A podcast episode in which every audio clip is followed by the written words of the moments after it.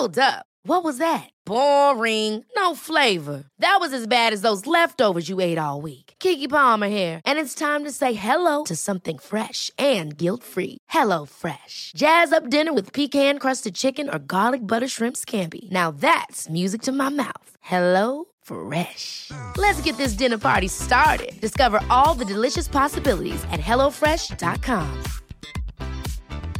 Hey, it's Ryan Reynolds, and I'm here with Keith, co star of my upcoming film, If, only in theaters, May 17th. Do you want to tell people the big news?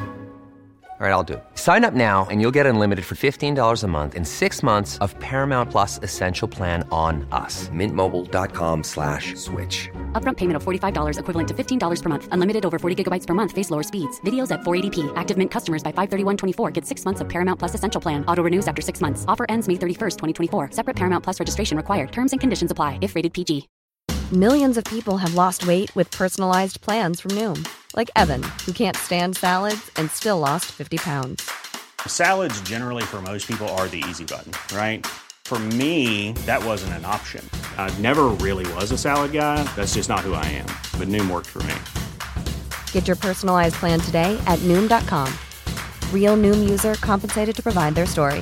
In four weeks, the typical Noom user can expect to lose one to two pounds per week. Individual results may vary.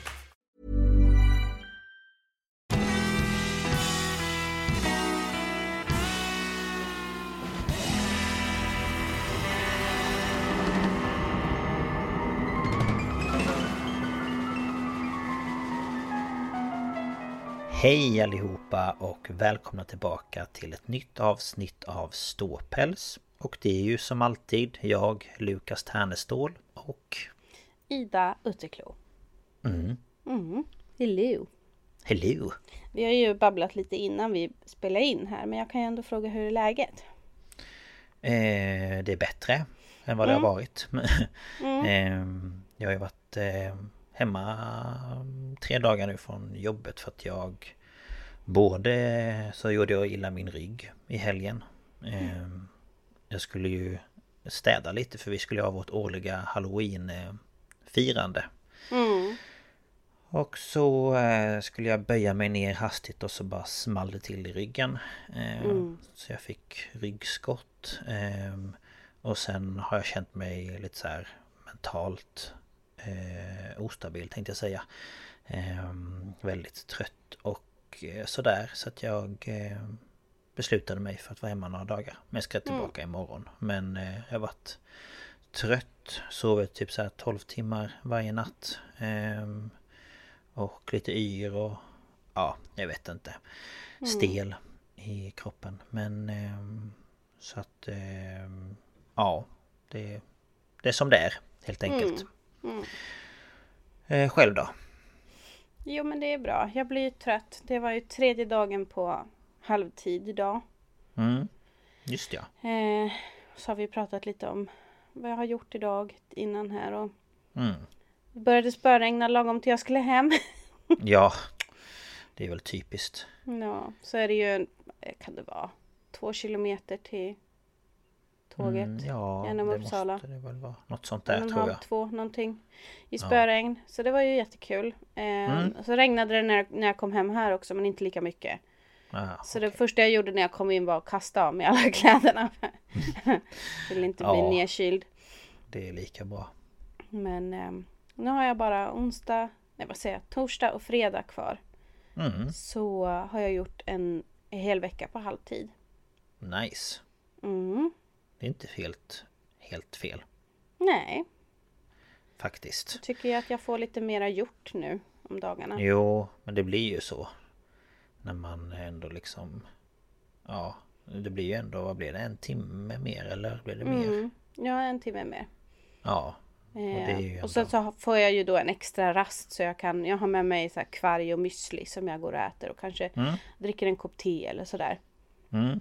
Ja, men det är ju inte helt fel. Eh, Så det är typ en, en kvart, 20 minuter kanske jag sitter. Sen får jag jobba. Och den får jag ju liksom lägga lite vad jag vill. Idag blev det ju bestämt innan eftersom vi hade en besökare som Ja. vi skulle ta hand om. Så då var det bestämt. Men annars så tar jag den när jag känner för det. Mm, Okej, jag förstår. Så. Det är inte helt fel. Och så är det jag ju det obligatoriska fikat halv tio såklart. Mm. Det, det, det går inte. Jag har försökt att så här, sitta kvar och jobba men det, då kommer de flera stycken och säger det är fika. Du är bara ja, jag vet. Jag vill Så att, jobba. eh, jag får två, två fikaraster då. Mm, jag förstår. Det är ju inte helt fel. Nej. Ehm, jag har ju försökt vara ute och gå. eh, För att man ska ju inte helst vara helt stilla när man har eh, ryggskott. Ehm, Nej. Men idag så har jag inte kunnat gå ehm, Nej. så mycket på grund av regnet. Ehm, Så jag gick till Ica och tillbaka. Det är typ, Mm. vad är det till Ica härifrån? 50 Oj. meter? Nej, jag vet inte. 100 kanske. 100, 100 meter kanske. Ja, fram och tillbaka. Och när jag kom till Ica så var det massa poliser utanför. Alltså inte utanför Ica utan på en stor väg som är här utanför. Och sen när jag kom tillbaka från, ut från Ica så... Um, de håller på att gräva precis utanför min port här på baksidan. Så att de har liksom spärrat av och så var det så himla geggigt. Så jag bara, men jag går ut i vägen. Och då hade de ju gripit fyra personer och det var civilpoliser och hundpatrull och ja, hela föruttan yttre befäl och allt. Så jag vet inte alls vad det handlade om. Eh, Nej jag vet inte heller. Jag, får, jag brukar kolla på lokala nyheterna på kvällen så kanske det står någonting där. Eller säger någonting där. Ja, man blir alltid lite nyfiken. Och så försöker man gå förbi utan att titta för det stod ju en polis med varje person alltså, mot väggen. Och så gick jag där och så försökte jag snegla lite men man vill ju inte stirra. Nyfikenheten. eh, Ja. Men... Det var eh, den eh, excitementen du fick på den här dagen. Ja, men lite så. Jag eh, har inte gjort mer än så tänkte jag säga. Men Nej. eh, jag har ändå försökt hålla igång lite men det är lite obehagligt att böja sig. Jag försöker och så här tänka på mina, att jag ska böja knäna men då har vi ju mina knän som är helt Ja, förstörda också. Precis. Så att det är ju inte saken bättre. Eh, så jag känner- är skitont i dem med. Jag tror vädret påverkar jättemycket för jag är- tycker det har gjort ont att gå i trappor idag. Mm, jo men det tror jag definitivt också. eh, Att det kan spela in men Mm. Min mamma hon skämtade men du får väl böja på knäna då Och jag bara jo för det är ju så jävla lätt Och hon bara Ja. det vet jag ju att det inte är men det var ju därför jag sa det Ja, Jag bara nej jag får väl försöka eh, Ja, men- Men eh, man är ju stel som en jävla Jag vet inte vad nej. Yoga Nej. kanske Eller pilates Ja. kan Men man du får, du får se till att hålla va, eh, ryggen varm och massera och sådär. Ja jag tänkte Så det kommer det nog bli bättre.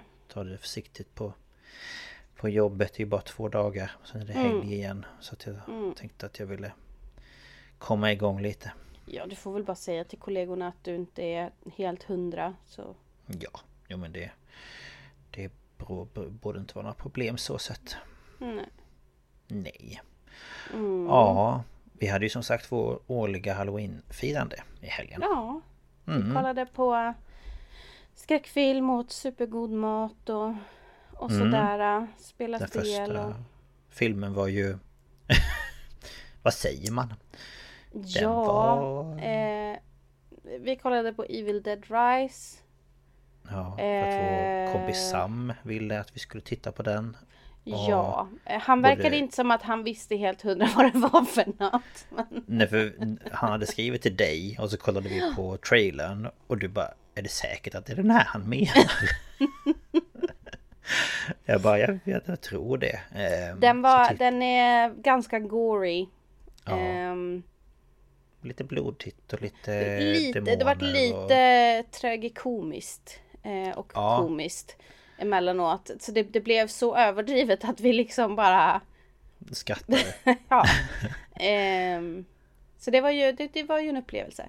Verkligen. Och sen kollade vi på The Nun 2.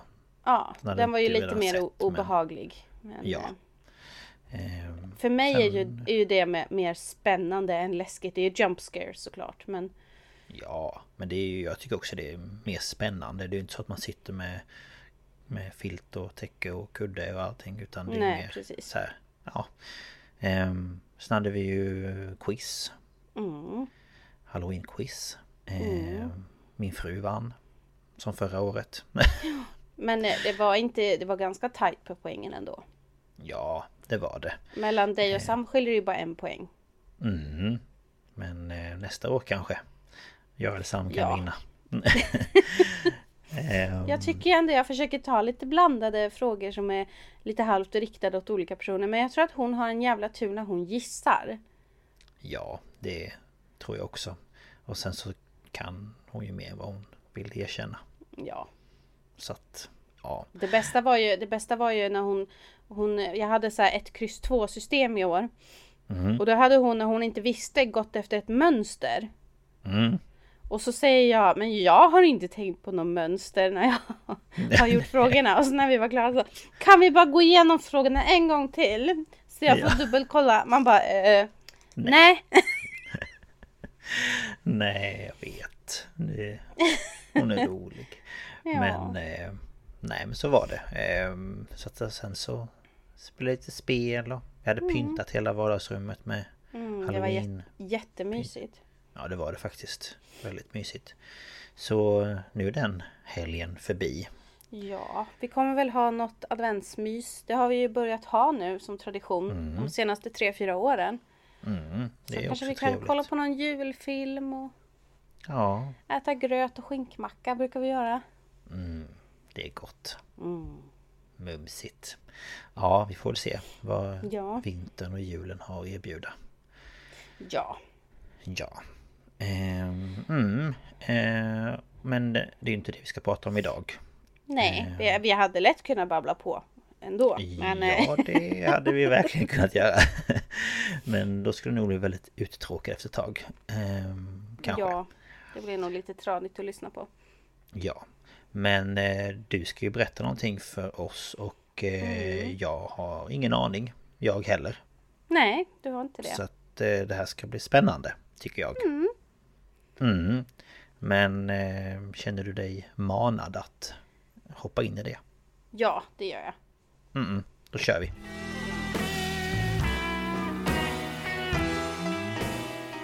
Ja, och eh, som titeln eh, säger så ska jag berätta om eh, saker som en kvinna vid namn Claire Throssell har varit med om. Och ehm, jag berättar mina källor i slutet istället för i början. För jag tycker det är lite dead giveaway. de som lyssnar. jo. Ibland är ju källorna så här man bara Jaha, det var, det var det jag skulle berätta den här Ja gången. men precis.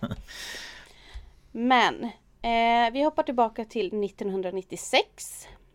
Och eh, den 19 oktober 1996 så jobbade då 24-åriga Claire Throssell för Carpet World. Och de skulle öppna en ny butik i Wakefield i the United Kingdom. Ew. Och i samband med den här öppningen så anställde ju företaget en hel del nya säljare. Och en av dem är 25-åriga Darren Sykes. Eh, och de jobbar ju då tillsammans. Hon är så här. Han var typisk säljare. Hon var inte så här äh, superimponerad så. Massa snack och ja. Ja. Men han fattar ju omedelbart tycke för henne och bjuder ut henne redan dagen efter. Liksom, alltså de har jobbat en dag och dagen efter så Mm, oj. ville han bjuda ut henne. Men eh, hon sa nej. Och då väljer han att skicka en ros till Claires jobb varje dag i tre veckor. Och med rosen var en lapp där det stod Jag kommer fortsätta skicka rosor till dig, till, till dig tills du går ut med mig. Och efter tre veckor så gick hon med på det och de gick ut på en dejt och eh, efter det så går det ganska snabbt och de blir ihop. Och eh, hon beskriver honom som en gentleman som överöser henne med komplimanger. Alltså han är så här, drar ut stolen för henne när hon ska sitta ner vid bordet. Han håller hennes kappa åt henne, öppnar dörrar och kallar henne för sin prinsessa och sånt där. Och alla hennes eh, vänner och familjen tyckte att han var perfekt. Eh, och de skriver det som, beskriver det som att han dyrkade henne och var helt underbar. Mm, Okej. Eh, och åren går. Så 1998 så gifter de sig. Och i första mars, tror jag det var. Ja, nej, bara mars. Jag hade inte skrivit vilket datum. Men i mars 2002 så föds deras första barn, sonen Jack. Okej. Och Claire säger att det här är omedelbar kärlek. Och hon beskriver Jack som en underbar snäll pojke med ett leende som kan lysa upp hela världen. Ja. Väldigt så här mild och väl- god liksom. Mm. Det brukar väl också föräldrar oftast kanske säga om sitt Ja, nyfödda lilla barn. men eh, också när Jack blir större så är han väldigt mild och snäll och, Ja, och sådär. Mm. Och sen 2005 så föds deras andra son Paul. Och han är typ raka motsatsen. Han beskrivs som en busig pojke med massa fart. Han löptränade tre gånger i veckan och hade ändå ständigt energi. Mm. Och liksom var lite sådär äh, Emil i Lönneberga Brukar kunna vara sådär med, Mm. eh, med syskon. Att en är jätte... Ja men så här försiktig och så och den andra är vilda västern. Och eh, trots att de var raka motsatsen till varandra eller sådär så fick de ett otroligt fint band liksom syskon emellan. Och hon berättar ju också att hon på en gång formar ett väldigt starkt band till sina barn. Men pappa Darren gjorde liksom inte det. Han hade egentligen inget riktigt känslomässigt förhållande till sina barn för han bytte aldrig blöjor, han klev aldrig upp på nätterna för att mata eller trösta. Det var liksom så. Och han ville att allt skulle göras på hans villkor. Så om pojkarna ville hitta på något och Darren inte ville så blev det inte av. Så han liksom kunde aldrig riktigt offra sig för att Okej. pojkarna skulle få göra någonting kul. Du vet såhär, de vill åka till parken och egentligen har man inte lust men man gör det för att de ska få ha något kul. Ja Det såklart. gjorde aldrig han. Ville han inte så var det nej. Punkt. Okej, ja det är ju lite skumt. Eh, och vi kommer nu hoppa till 2008. Då är Jack 6 och Paul är 3, eller på att säga 3. Eh, Three, ja. Min, min hjärna har svårt att hoppa när jag säger engelska namn. Mm, och ja, jag vet. Eh, och familjen bor på Tennyson Close i South Yorkshire. Och eh, lever enligt liksom vänner och sådär. Ett helt normalt familjeliv. Mm. Men under tiden de bodde där så kände Claire att någonting förändrades. Eh, hon kan inte säga liksom exakt när förändringen började utan det kom liksom smygande.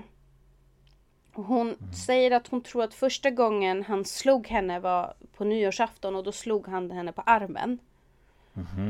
Och sen en gång när de skulle gå ut så hade hon klätt upp sig och han kommer in i rummet och liksom Ska du verkligen ha det där på dig? Okej. Och sen så liksom eskalerar det till sån här typisk gaslighting. Så han, han tog hennes bilnycklar, hon hade sina bilnycklar på samma ställe hela tiden. Han tog dem och gömde dem.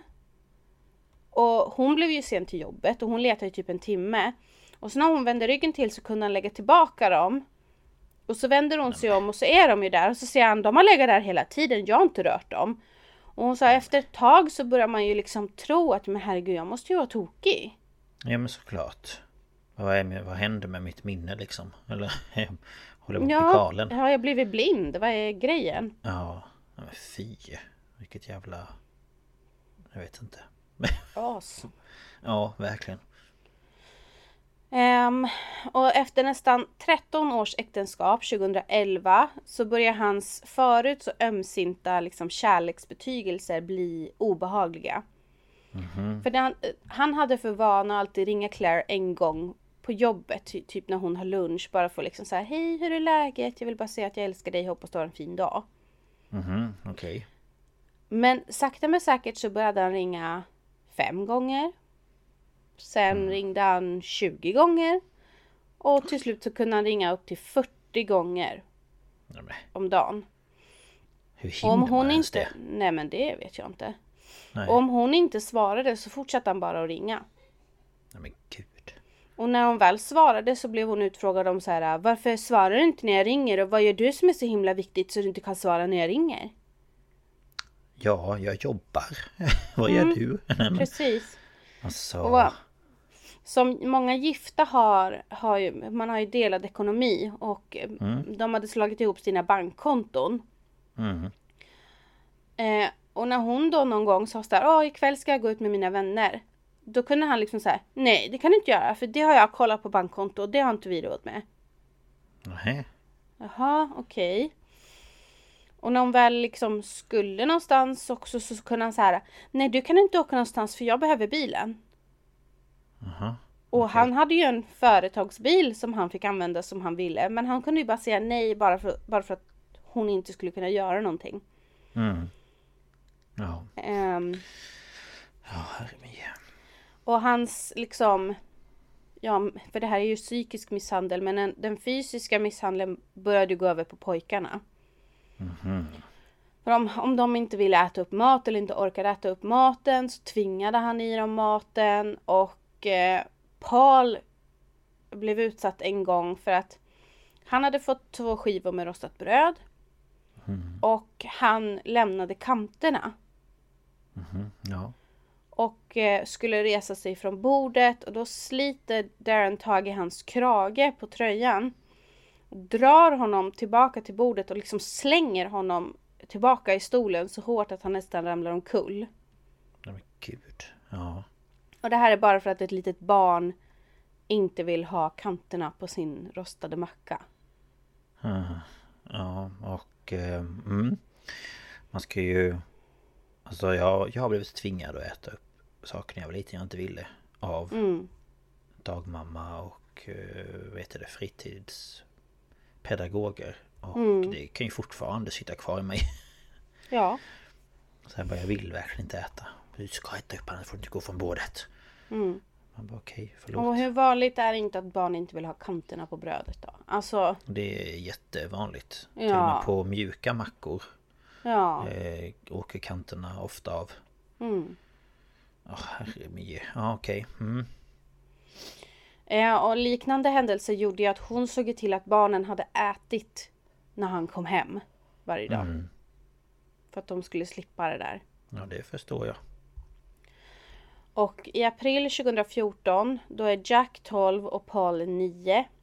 Då når Claire sista droppen som får hennes bägare att rinna över. För hon har ju övervägt en längre tid att lämna, men liksom... Ja, man fattar ju hon... Ja men, det kanske blir bättre, det kanske blir bättre. Men den här gången fick hon nog. För då stod Claire, Jack och Darren uppe vid trappen hemma hos dem. Och Jack han var tydligen lite spydig, alltså han är 12 liksom.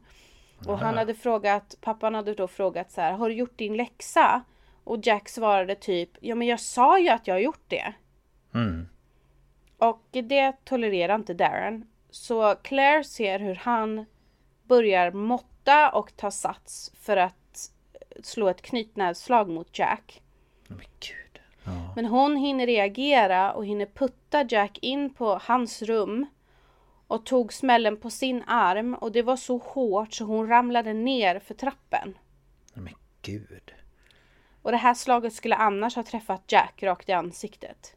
Ja, det hade ju inte blivit så jävla bra, nej. Nej, och när hon ligger där nedanför trappan så står han liksom några steg eller sådär upp i trappan och så säger han Se nu vad du fick mig att göra.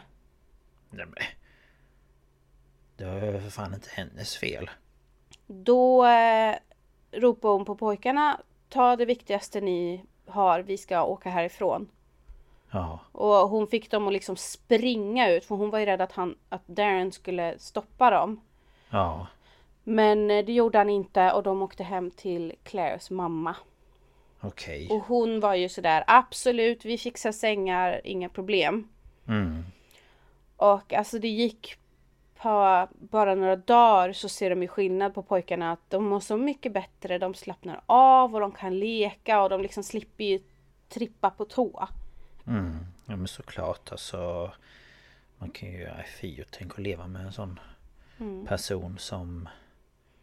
Eh, ja, nej usch. Mm. Fruktansvärt.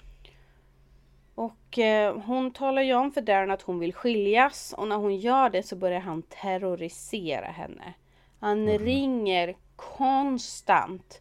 Han följer efter henne ute. Han skar sönder hennes däck och eh, han dumpade hennes kläder i, i mammans trädgård och hotar både henne och hennes mamma. Men, vad är det för Liksom. psykfall tänkte jag säga. Men alltså Ja, han verkar ju helt, Kan ju undra. helt från sig av någonting. Ja. Makt. Och Och han har ju ändå då umgänge med sönerna men då börjar han liksom tänja på gränserna för vad överenskommelserna är. Så han kommer att hämta dem tidigare och han lämnar dem senare och så liksom håller han på och tänjer på det där hela tiden. Och polisen hade ju satt sån här eh, ja, men, markering eller flagga på mammans hus som hög risk för misshandel i hemmet på grund av att han hade varit där och orsakat massa problem. Mm, okej. Och trots att hon gör sitt bästa för att skydda liksom sönerna så, så de märker ju ändå. Och det går till den gränsen att Paul, alltså den lilla, han bryter ihop i skolan för han vill inte träffa sin pappa. Nej. Nej, det förstår man. Definitivt. Ja, och hon ansöker då om att de ska få slippa umgänge med, med Darren och sociala myndigheterna kopplas in och de bestämmer no contact som de säger. Ah, eh. Alltså han får inte kontakta pojkarna direkt, han får inte kontakta Claire direkt. Ja, okej. Mm. All kontakt går ju genom advokater. Mm. Ja, det blir ju så. Eh, och det var ju en lättnad liksom. Ja, såklart. Men sen vet man ju vad det kan eh, trigga igång. Ja. Ehm, och eh, ja, de slipper ju träffa honom på ett tag och lärarna i skolan märker ju på en gång en enorm skillnad. Att pojkarna är gladare och allt sånt där. Och hon, Claire vet ju ändå att det här antagligen inte kan vara för evigt. Så hon sa ju till dem, hon vill ju vara ärlig med dem och säga att ni måste antagligen träffa er pappa någonting. Alltså, mm, det, det är så det funkar och de blir ju helt förkrossade. Ja, fy fasen. Men ehm, i juli 2014 så, så var det då dags för Claire Darren att vara i familjerätten för då skulle man då bestämma det här med umgänge och allt sånt där. Och hon hade skrivit som någon sån här statement då till rätten att hon var rädd att han kunde skada pojkarna allvarligt. Och speciellt om han såg rött för då fanns det inget stopp. Och hon berättade också att han hade fått en varning efter att han slagit en granne. Och att han erkände att han hade misshandlat Paul. Det här med när han slog ner honom i stolen och allt det där. Mm, just ja. Och det här säger hon till advokaterna, hon säger det till rätten och hon säger det till de sociala myndigheterna. Men eh, trots hennes liksom utsagor och att Jack och Paul själva säger till socialen att de är rädda för sin pappa så ger socialen och rätten honom fem timmars obevakat umgänge i veckan. Nej. Vad fasen då för? Ja, om jag det visste. Det är väl eh, absolut inte lämpligt. Nej, och just det här obevakat också. Ja, hade det varit alltså, Hade det varit bevakat så kan man väl säga okej Men Obevakat, vad fan vet vad han gör? Mm. Åh Gud Och eh, Claire och sönerna är ju båda liksom osäkra och så. Så de, hon köper varsin mobiltelefon till dem. Eller ja, på något sätt så fick de i alla fall varsin mobiltelefon.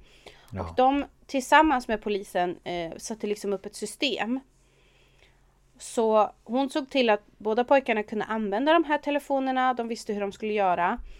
Om de vid något tillfälle när de var med sin pappa kände sig osäkra så hade de ett kodord som de skulle smsa till Claire. Och då skulle hon i sin tur ringa till polisen och de skulle rycka ut på en gång. Okej Ja det är ju i och för sig smart men ändå Mm, man ska ju inte behöva ha så. eh, Nej absolut inte Ehm, tidigt i oktober 2014 så går ju den här skilsmässan igenom. Ehm, så hon är liksom fri honom på det sättet. Ehm, och ehm, senare då på månaden, månaden, måndagen höll jag på att säga. Eh, det är onsdagen den 22 oktober så kommer Darren hämta Jack och Paul eh, hos mormor då, alltså Claires mamma, för deras veckovisa umgänge. Och Claire hon, hon var inte hemma då. Hon, hade, hon lämnade pojkarna i, i skolan på morgonen och sen åkte hon och jobba. Och hon missade dem precis när hon kom hem. Hon kom hem strax efter 18 och han hade väl hämtat dem 18. Det var typ bara några minuter liksom. Okej. Eh, och när hon kommer in så ser hon att de har glömt sina mobiler hemma. Åh nej. Ehm, och hon velar och velar. Så här, ska jag åka iväg och lämna dem? Nej, men det är nog ingen fara. Ehm, så hon bestämde sig för att laga middag. Mm. Och runt 18.35 så knackar det på dörren och Claire går och öppnar. Och utanför står en polis som berättar att det har varit en husbrand och hon måste följa med. Hennes söner har förts till barnsjukhuset i Sheffield. Och eh, hon fick veta att Jack, han var verbal, men Paul var riktigt illa ute. Och Darren hade förts till ett annat sjukhus i närheten. Okej. Det här är liksom bara, hon har ju typ hunnit laga mat och äta. Ja, fy fasen. Och hon får ju då åka till barnsjukhuset och det första hon ser när hon kommer in är Paul. På, en, på en brits och sjukhuspersonal utför HLR. Och efter en stund kommer en läkare fram till henne och säger jag är hemskt ledsen men vi måste släppa honom. Och hon är ju så här chockad så hon säger släppa honom, släppa honom vart? Var ska han? Ja. Men då är det väl någon som förklarar för henne att de, de kan inte hålla på längre. Nej. Då fick hon gå in i, i rummet och liksom hålla honom och så. Och så säger hon, det här är ett citat från en dokumentär jag tittar på. När folk säger, eller man läser, att ljuset slocknar i någons ögon. Man tror inte på det förrän man ser det. Plötsligt så blev hans vackra ögon, blå ögon grå. Och det var som att han tittade rakt igenom mig. Så onsdagen den 22 oktober 20.00 förklarades nioåriga Paul död på grund av rökförgiftning. Hey, it's Ryan Reynolds, and I'm here with Keith, co star of my upcoming film, If, only in theaters, May 17th. Do you want to tell people the big news? All right, I'll do it. Sign up now and you'll get unlimited for $15 a month in six months of Paramount Plus Essential Plan on us. Mintmobile.com slash switch. Upfront payment of $45 equivalent to $15 per month. Unlimited over 40 gigabytes per month. Face lower speeds. Videos at 480p. Active Mint customers by 531.24 get six months of Paramount Plus Essential Plan. Auto renews after six months. Offer ends May 31st, 2024. Separate Paramount Plus registration required. Terms and conditions apply if rated PG. Ever catch yourself eating the same flavorless dinner three days in a row? Dreaming of something better? Well, HelloFresh is your guilt free dream come true, baby. It's me, Gigi Palmer. Let's wake up those taste buds with hot, juicy pecan crusted chicken or garlic butter shrimp scampi. Mm. Hello Fresh. Stop dreaming of all the delicious possibilities and dig in at HelloFresh.com. Let's get this dinner party started.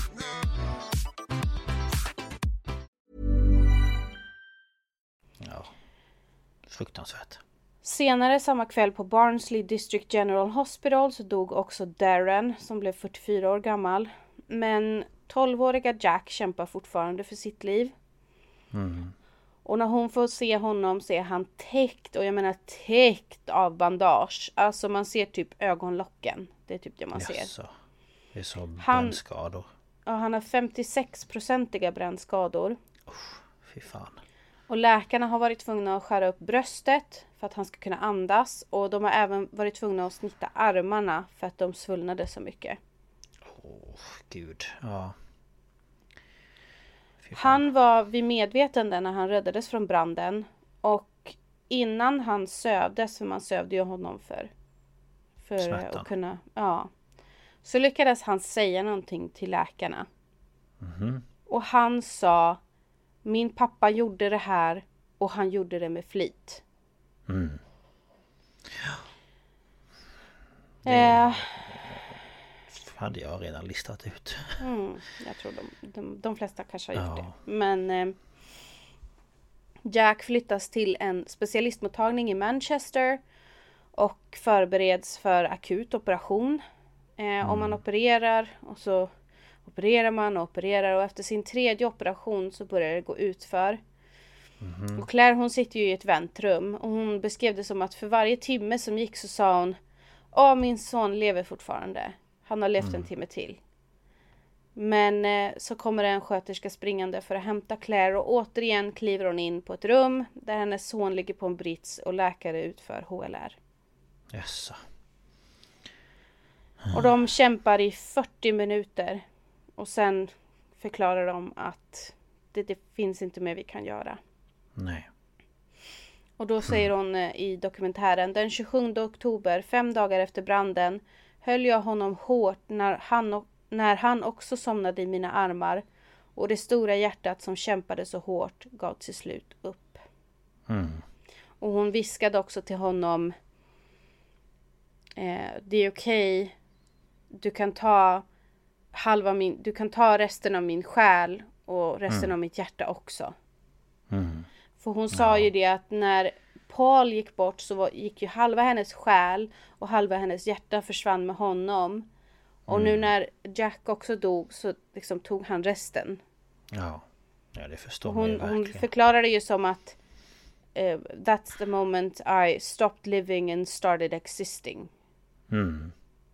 Ja men alltså fy fan. Han förlorar båda sina barn. Han skiter man ju fullständigt i för han var ju bara ett jävla rövhål men... Ja men och än så länge så tror ju alla att det här är en olycka. Mm. Men eh, Polisen påbörjar ju såklart en utredning. Alltså det gör man ju alltid när det handlar om en brand.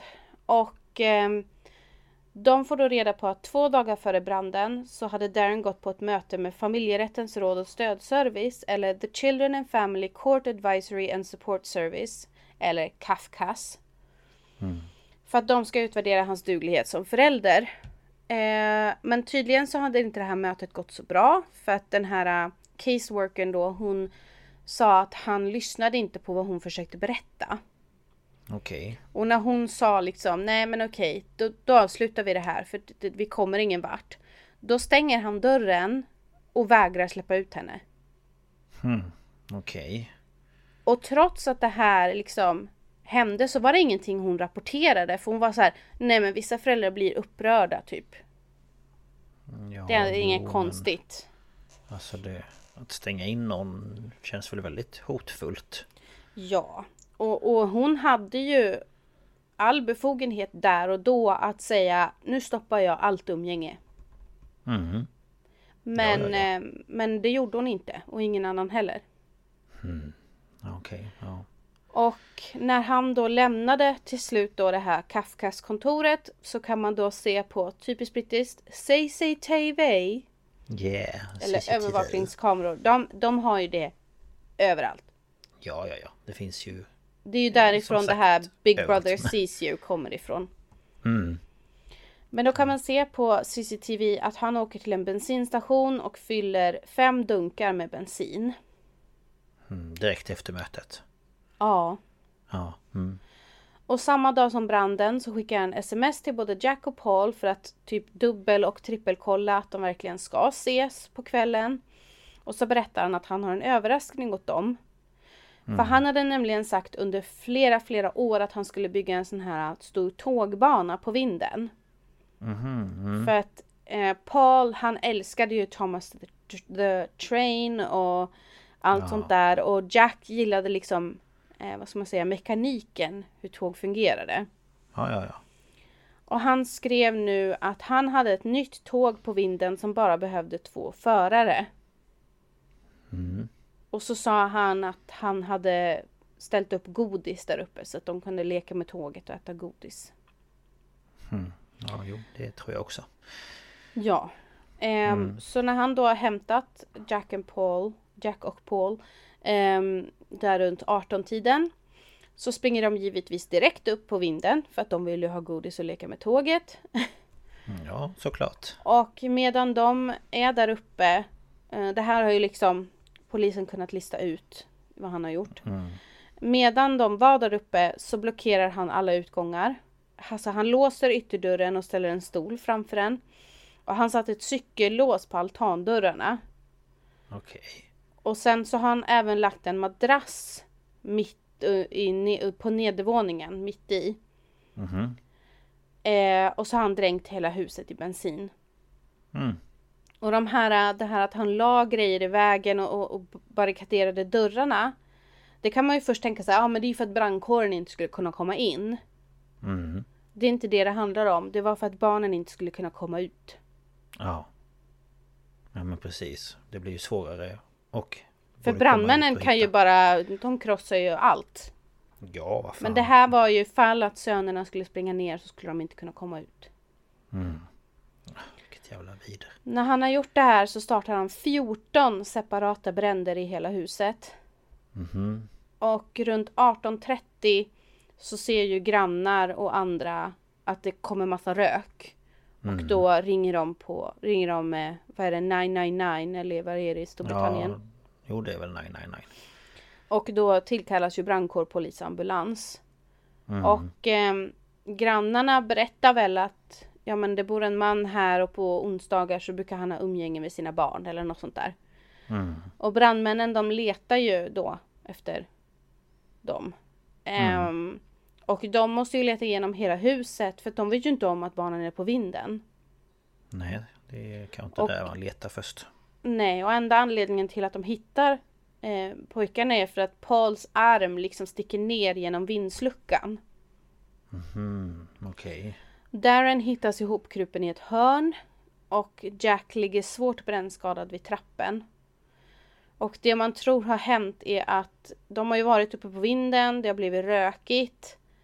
Så Jack har helt enkelt famlat runt i mörkret, hittat Paul och försökt dra honom med sig till vindsluckan för att ta ut honom. Och då har han själv ramlat, ge, ramlat genom hålet och rakt ner i elden.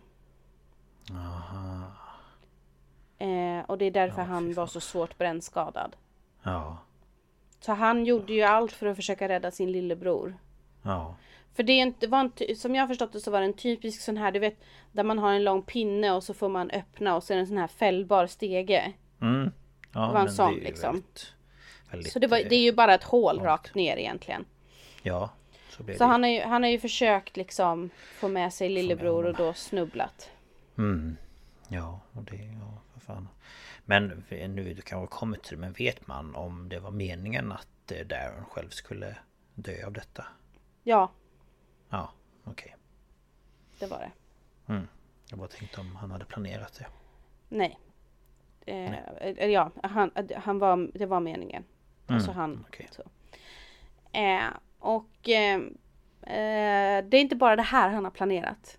Utan Nej. som om det inte är nog att han har tagit ifrån Claire det viktigaste i hennes liv. Mm. Så har han noga planerat liksom att hennes lidande det ska fortgå. Mm. För utredningen visar att Darren, alltså antagligen är ju hon fortfarande delägare i det här huset. För de, de blev, skilsmässan gick ju precis igenom. Ja, just ja. Ja.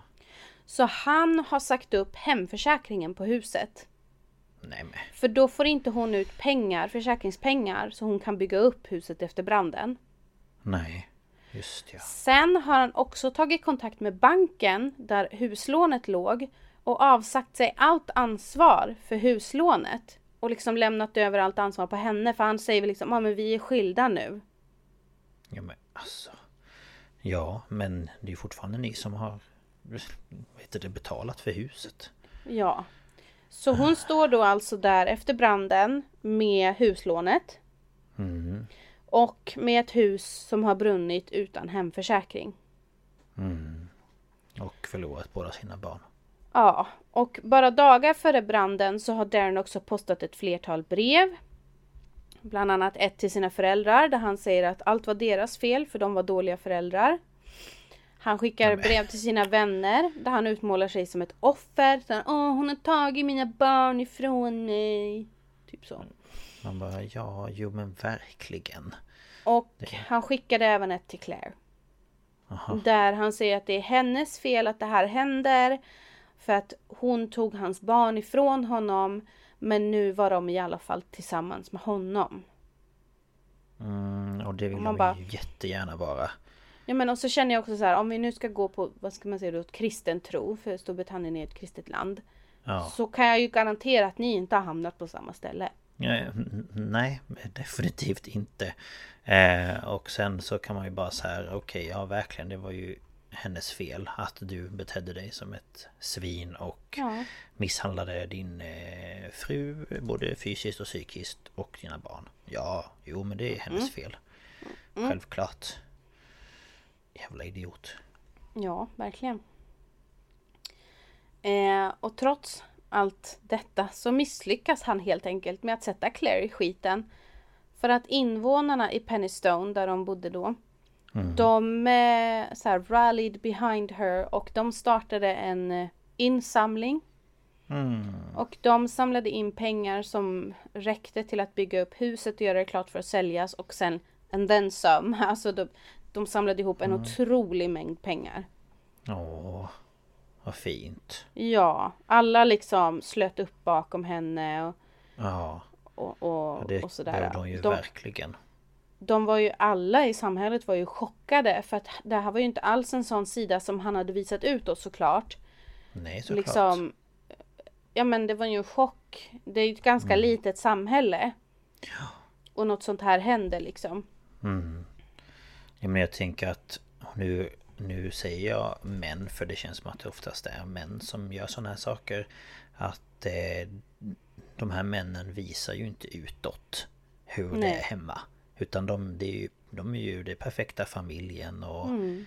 eh, hela den där biten. Så att det är väl självklart att ingen visste hur det egentligen var. För det är väl ingenting som han skulle gå och berätta. För att då liksom smutskastar man ju sitt eget liv.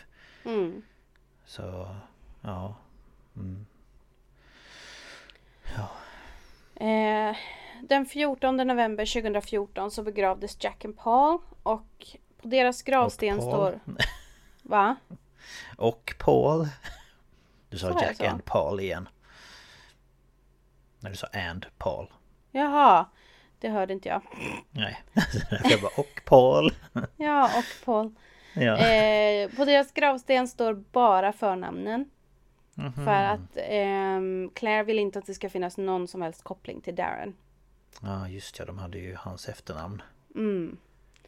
Eh, och på begravningen så kom ju då såklart eh, eh, många av deras skolkamrater.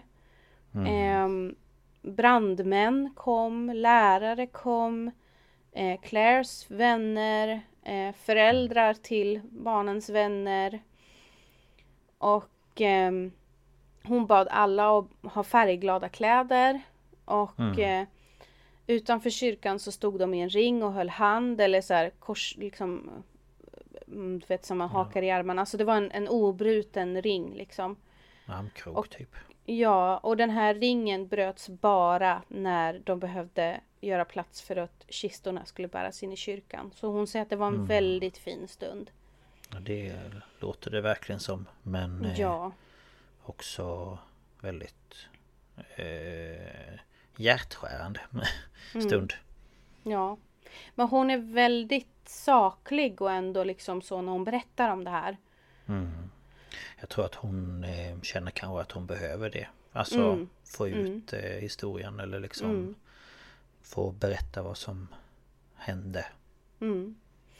Eh, hon försöker nu få igenom en lagändring som ska skydda barn från misshandlande föräldrar och hon kämpar i det brittiska överhuset över vad som är bäst för barnen eh, vid föräldrakontakt. Och eh, hon har blivit ambassadör för Women's Aid. Och på deras hemsida kan man läsa att på grund av hennes engagemang och beslutsamhet är familjedomstolarna säkrare. Och det är nu obligatoriskt för domstolarna att avgöra om barn riskerar att skadas av en kontaktorder. Och eh, förövare kan inte längre korsförhöra sina, sina offer i domstol. Och hon har belönats med Yorkshire Choice Awards, eh, Special Recognition Award efter hennes beundransvärda resa med att förändra hur, rätt, eh, för, hur, hur, va? förändra hur rättssystemet hanterar övergrepp i hemmet och familjedomstolsprocessen. Hon blev utsedd till Årets kvinna 2016 av Red Magazine i samarbete med Klinik för sin hängivna kampanj för barnsäkerhet. Och 2020 så fick hon en MBE och det är en Member of the Order of the British Empire. Eh, för sitt arbete för offer av misshandel i hemmet och hon dedikerade den till Jack och Paul. Ja, Och ehm, det här är ju alltså något som man får då av drottningen. Då. ja, ja. ja, ja. Mm. Nu kungen, men då var det ju drottningen. Och eh, hennes kampanj Child First, save, eh, Child First, Safe Child Contact save, li- Saves Lives. Den uppmanar regeringen och familjedomstolarna att vidta åtgärder Och hon hade i maj 2022, så lite över ett år sedan, fått mer än 76 000 underskrifter. Oj.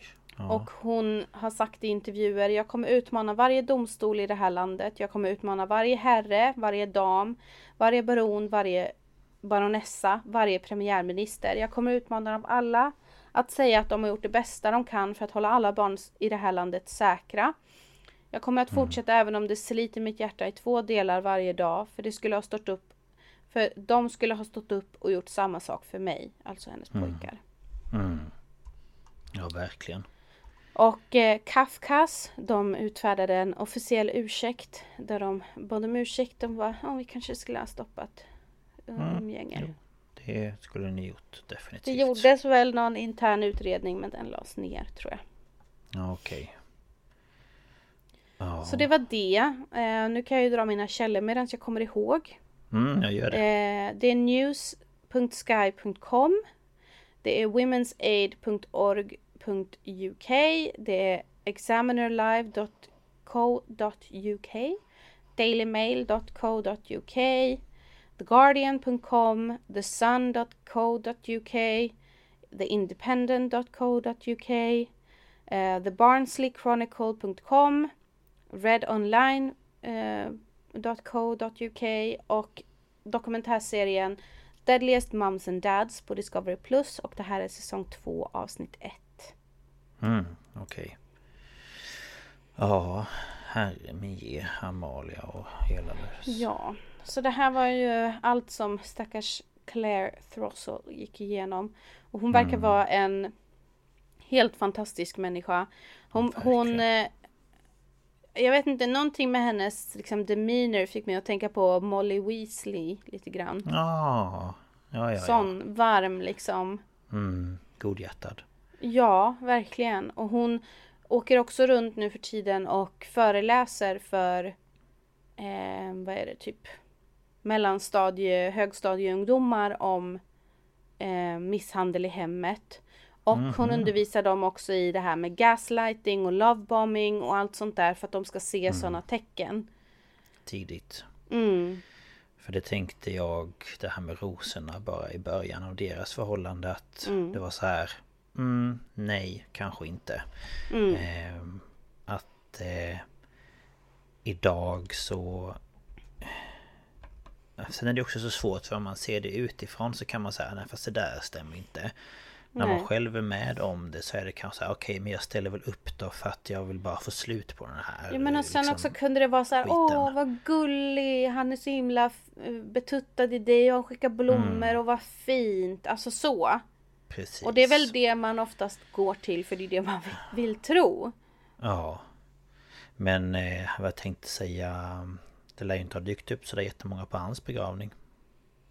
Nej, jag, jag har inte läst någonting om det men eh, jag Nej. hoppas inte det. Nej, jag bara känner att eh, det är... Eh, hoppas inte jag heller. Eh, tycker att han eh, inte förtjänar det. Nej, och det är otroligt surt att han dog. Ja, Jag hade velat att han skulle sättas dit för det här.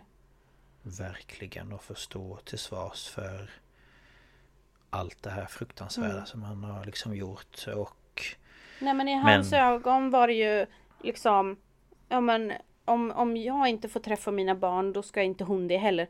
Allt det här handlade, handlade ju egentligen bara om att hämnas på henne och skada Mm. henne. Och då så eh, skadar man ju det som eh, håller en mest kärt. Ja. Och sen så var det ju det där äh, Nej men du ska inte få träffa barnen, de ska vara med mig och ända in i döden liksom. Mm. Äh, Och man bara ja fast du kommer hamna i helvetet. Det har vi ju redan listat ut. Ja, jo. Så att eh, ni kommer ju ändå inte träffas eh, nu när ni har dött. Eh, och eh, ja. Nej men jag blir bara så fruktansvärt arg och jag vet inte. Man blir Ja, liksom... men det, det, men det går, går ju inte att ta in att någon gör sådär mot sina egna barn. Nej, jag tänker liksom... Eh, det är så, alltså hon, det är ju, Jag beundrar sådana människor som hon Som liksom Mm. ändå finner någon slags styrka och kraft i allt elände Att liksom Ja. kämpa för andra barn och andra familjer och... Men hon lever ju i det där att det var hennes barn Mm. skulle vilja att hon gjorde. Sen kan man ju också tänka Det som jag tänkte var det här med telefonerna Vad hade hänt om hon hade åkt dit? Med Ja. telefonerna Alltså risken är ju att då har ju han redan låst. Ja, Och hon kommer inte in. Ringer brandkåren. Kanske att de hade hunnit komma tidigare då. mm. Men också som hon sa det här med att han fick umgänge. Han behövde inte fem timmar. Han behövde 15 minuter. Mm. Ja, För att ja, göra det gick här, ju, liksom. Jag menar det gick ju hur snabbt som helst Ja men han hämtade ju dem vid En 18. halvtimme. Ja, Och 18.35 så, så kom kommer de och knackar på hos henne. Ja det är ju helt sjukt Och han har liksom förberett detta i minsta detalj Ja nej Nej jag tycker det är jättebra av henne att hon eh, kämpar för detta för att jag Ja. Det kan man ju ibland också själv känna Jag som jobbar med barn När man känner Mm. liksom att hmm, undrar hur det här barnet har det hemma egentligen Mm. Ehm, Men jag tror att det är ju det som får henne att orka nu. Hon, hon Mm. har ju liksom Hon förlorade ju all mening med livet om du förstår vad jag menar. Ja ja ja Så hon, hon fyller väl den meningen med det här då. mm. Eh, Ja, och det kan ju vara både hon- bra och dåligt. Men eh, det verkar ju Såklart. som att Man hoppas ju på att ändå- hon får hjälp Alltså Ja, men det tror jag ju. Hon har ju fantastiskt stöd runt omkring sig och hon Hon Mm. sa ju liksom första året så Visste hon ju inte om hon var Alltså det, det, hon var ju som en zombie och det fattar man ju. Ja gud ja Men, Men sen blir det väl inte- också någon slags ilska som driver en också. Ja, gud ja. Jag tror det övergår till det. Mm. Eh, efter ett tag. Eh, Jävla... Jag måste säga jävla anamma liksom att Mm. nu får det fan vara nog. Eh, Mm. Men hon har liksom inte träffat någon annan eller liksom... Inte vad Ja. jag har sett. Nej. Eh, Nej. De sa ingenting i dokumentären om det. Och jag har inte läst liksom några så här Nej. artiklar där de tog upp det. Det kan ju Okej. vara så med att det inte är public. Nej, det liksom. kan inte man vill gå ut med till hela världen liksom. Nej, nej. Men... Eh, ja, Men jag nej, tror också får- det är svårt för jag menar hon var ändå, jag tror ju- om hon, hon kanske kan träffa någon och bli förälskad men jag tror ju också att hon är skadad när det gäller det. Mm. Och sen så tror jag också att hon kanske kände att det här med att få nya barn Kanske Mm. både psykiskt jobbigt och sen fysiskt för hon blir ändå äldre.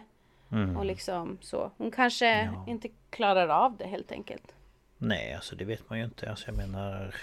Man vet ju inte om man själv skulle vara i den sitsen. Vad man skulle Nej. gjort eller inte gjort. Och vad som Nej. skulle vara bäst för en. Precis. jag tänker på ett annat eh, fall också när du pratade om detta. Jag vet att du också har sett det på det här... ehm, Eh, vad heter det? Den här Youtube-kanalen med de här eh, 911-samtalen. Mm. Ehm, det var ju USA ehm, Det var ju två barn som skulle träffa sin pappa och så ehm, Skulle de liksom dit med sin eh, men social En kvinna från socialtjänsten Ja och han, han sparkade Och- ut, eller han stängde dörren i ansiktet på henne. Ja, barnen och han gick in först och när hon ska kliva in så stänger han dörren Ja. Och låser. Och hon får ju panik, ringer till polisen och bara jag är här med de här två barnen och de skulle träffa sin pappa och nu kommer jag inte in. Och hon är liksom så här helt hysterisk och bara ni måste komma hit nu för jag vet inte vad han kan göra och så vidare och så vidare. Och sen går det väl typ, ja vad är det, en kvart och sen exploderar hela huset. Ja. Ehm, och då, ja jag tror de också dog. Mm. Ehm, och det är ju... Nej jag vet inte, det är fruktansvärt. För jag menar det är ju Ja. inte bara... Alltså, barnen har ju inte gjort något. Alltså det är ju inte... Nej och, och de säger sådär Åh men jag älskar mina barn men jag får inte träffa dem så då dödar jag dem. Man bara men då älskar du dem väl inte eller? Nej och jag tänker om du nu verkligen hade älskat dina barn. Hade du då överhuvudtaget slått dem från första början? Hade du... Mm. Då kanske du hade bytt de där blöjorna. Du kanske hade gått upp och tröstat dem mitt i natten. Du kanske hade gått till den där parken som du inte ville gå till egentligen. Du kanske hade ställt upp på massa olika saker fast du inte ville. Då älskar man ju sina barn. Mm. Eh, men... eh, att sen komma och säga när du har liksom både slagit barn och fru och allting och bara Åh, jag älskade ju dem. Man bara nej, det gjorde du inte. Nej. Nej. Eh, jag är ledsen men det kan du inte ha gjort. Nej. Ehm, för då hade du ju bevisat det från början. Mm. Mm. Ehm, ja, nej, usch. Jag blir så arg. Ja, ja, det är otroligt frustrerande. Är det. Ja, men det är ju det. Om man tänker bara på alla alltså, oskyldiga barn och kvinnor som Mm. ah, ska stå ut med sådana där jävla rövhål. Ja, precis. Mm. Ja, ja men eh, tack för detta. Ja, det är så lite så. Jag tänkte det här fallet var något vi verkligen, ja men som ni märker då, som man, man kan faktiskt diskutera kring och reagera på. Och det var det Verkligen. jag kände när jag såg det avsnittet, att det där, det Mm. passar oss. Ja men det gör ju det. Mm. Och eh, man... Jag, jag tänker som liksom i, i ens yrke också, jag som förskollärare då att man... Man eh, bryr sig om alla barn och... Eh, man kan ju... När man hör sådana här fall, när man liksom tänker på barn som... eh, Men så statistik kring barn som far illa hemma så är det så här, ja men det kanske är någon i min grupp som gör det och... Mm. Att man blir lite så här, ja... mm, Det... Det känns bra att kunna ge dem en trygghet mm, Alltså på förskolan Om de inte har det hemma eh, Så känns det viktigt Ja. Så är det Mm. Ja men eh, ja Tack för detta som sagt eh, Och eh, om man vill kontakta oss Så gör man vad då? Ja, man kan gå in på Instagram och söka på Staphals podcast. Så kommer vi upp där och där kan man då trycka på följ och så kan man skicka ett meddelande eller kommentera på ett inlägg. Eller så kan man mejla oss på staphalspodcast.gmail.com och det ser vi ju att några har hittat till mejlen också. Det är jättekul. Och vi tackar för tips och sånt som vi får. Verkligen Ehm, så det går jättebra att mejla om man inte har Instagram. Ja Det går suveränt Nej jag Ja. Ja Nu, men nu börjar min katt bli hungrig här. Jag vet inte om ni har hört att han har skrikit på mig en gång. Men Jaså, han, Jag har han inte hört på, något Han håller på att klättra på mig och sträcker sig efter mig. Och nu, nu är det kris. Nu är det kris Vilken tur att vi ska jag- säga hej då Ja, så nu får jag säga tack för att ni har lyssnat. Ja, tack för att ni har lyssnat Eh, och ta hand om er så hörs vi nästa vecka. Vi hörs nästa vecka Mm-mm, hej då! Hej då!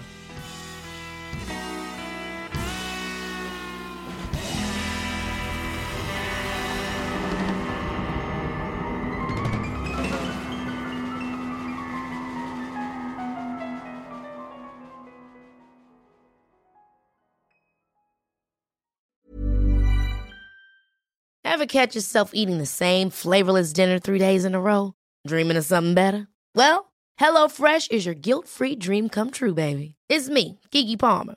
Let's wake up those taste buds with hot, juicy pecan crusted chicken or garlic butter shrimp scampi. Mm. Hello Fresh. Stop dreaming of all the delicious possibilities and dig in at HelloFresh.com.